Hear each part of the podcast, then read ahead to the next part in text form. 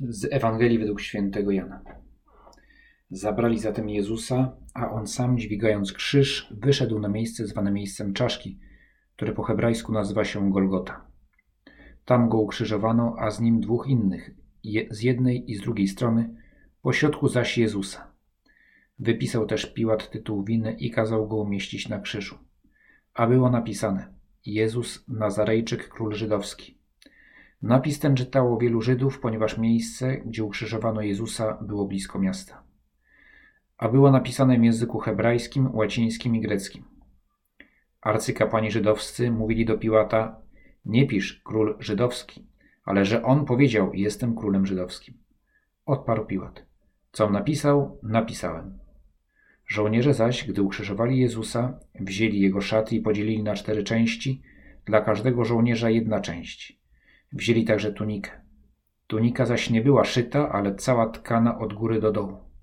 Mówili więc między sobą: Nie rozdzierajmy jej, ale rzućmy o nią losy, do kogo ma należeć. Tak miał się wypełnić słowa pisma. Podzielili między siebie szaty moje, a moją suknię, a o moją suknię rzucili losy.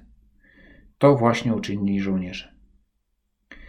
A obok krzyża Jezusowego stały matka jego i siostra matki jego Maria, żona Kleofasa i Maria Magdalena. Kiedy więc Jezus ujrzał matkę i stojącego obok niej ucznia, którego miłował, rzekł do matki: Niewiasto, oto syn twój. Następnie rzekł do ucznia: Oto matka twoja. I od tej godziny uczeń wziął ją do siebie. Potem Jezus, świadom, że już wszystko się dokonało, aby się wypełniło pismo, rzekł: Pragnę. Stało tam naczynie pełne octu, nałożono więc na hizop gąbkę nasączoną octem i do ust mu podano. A gdy Jezus skosztował octu, rzekł: Dokonało się. I skłoniwszy głowę, oddał ducha. Święty Jan opisał zdarzenia, których był świadkiem. Możemy sobie wyobrazić, w jakim był stanie psychicznym. W odróżnieniu od innych uczniów został. Został przy Panu Jezusie, nie uciekł. Może dlatego, że był najmłodszy i dlatego też najodważniejszy. Odwagą, no odwaga nie zależy od wieku, ale, ale osoba młodsza może ma większą skłonność do ryzyka. Najbardziej ze wszystkich uczniów był do Pana Jezusa przywiązany, tak po ludzku go najbardziej, mm, ta więź była najserdeczniejsza. Ale myślę, że też wielkie znaczenie miała obecność Maryi, że to Maryja i inne kobiety go zdopingowały. Ona została przy swoim synu. Ona przy nim trwa i święty Jan czuł, że on też powinien. I, i został. Kiedy jesteśmy blisko Maryi, jesteśmy blisko Pana Jezusa.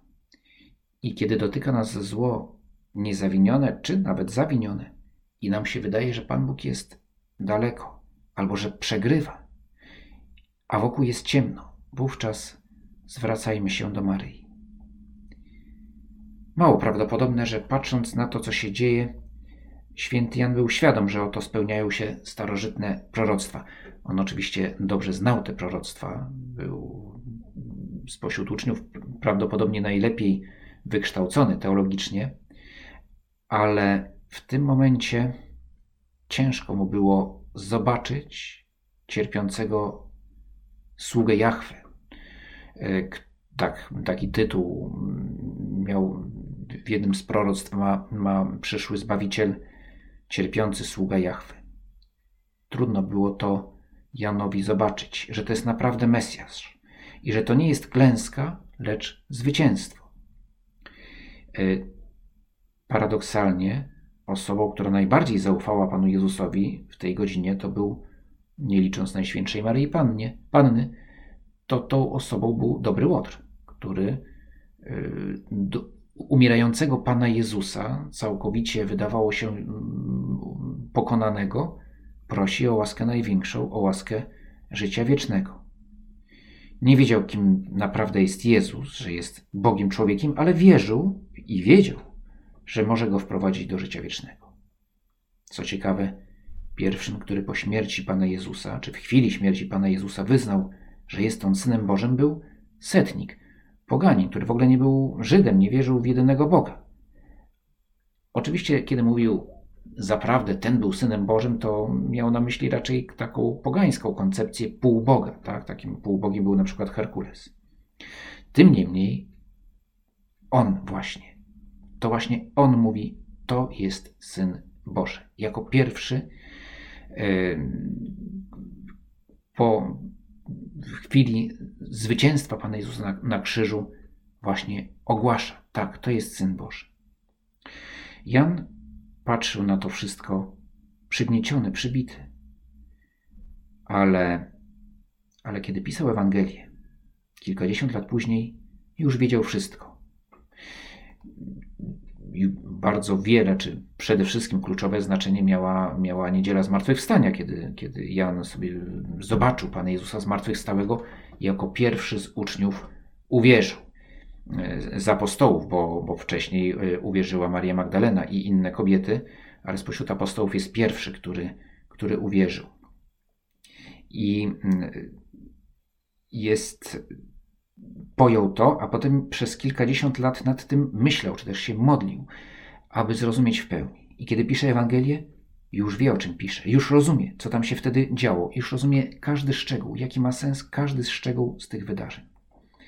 Są filmy, szczególnie thrillery czy, czy kryminały, które wiele osób musi oglądać dwa razy, żeby zrozumieć o co chodzi, albo żeby chwycić cały sens intrygi, no bo za pierwszym razem to się gubi za dużo osób, e, zbyt skomplikowana akcja. Trzeba jeszcze raz to obejrzeć i sobie rozpisać, żeby chwycić, no, kto był dobry, kto był zły i, i, i, i dlaczego to stało się jak się stało. E, święty Jan, pisząc Ewangelię, już wie, co się stało. Zna, rozumie cały sens tych, tych zdarzeń i dlatego opisuje je i nam je przekazuje już z, odpowiednią, z odpowiednim wyjaśnieniem.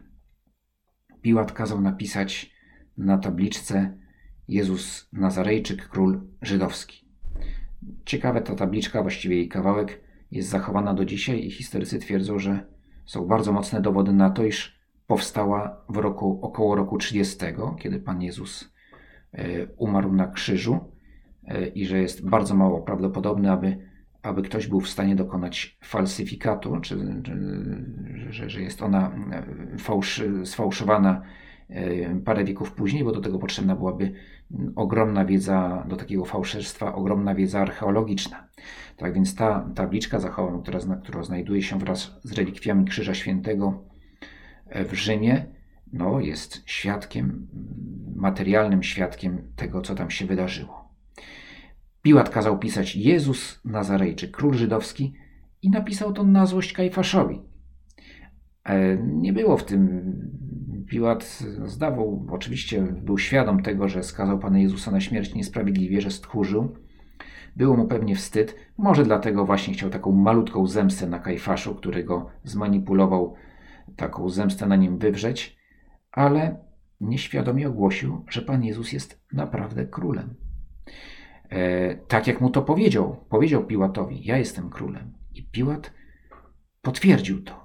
Być może w ramach zemsty czy złośliwości wobec, wobec przywódców żydowskich, ale potwierdził tą prawdę, że Jezus jest królem i nie tylko Żydów, ale całego świata.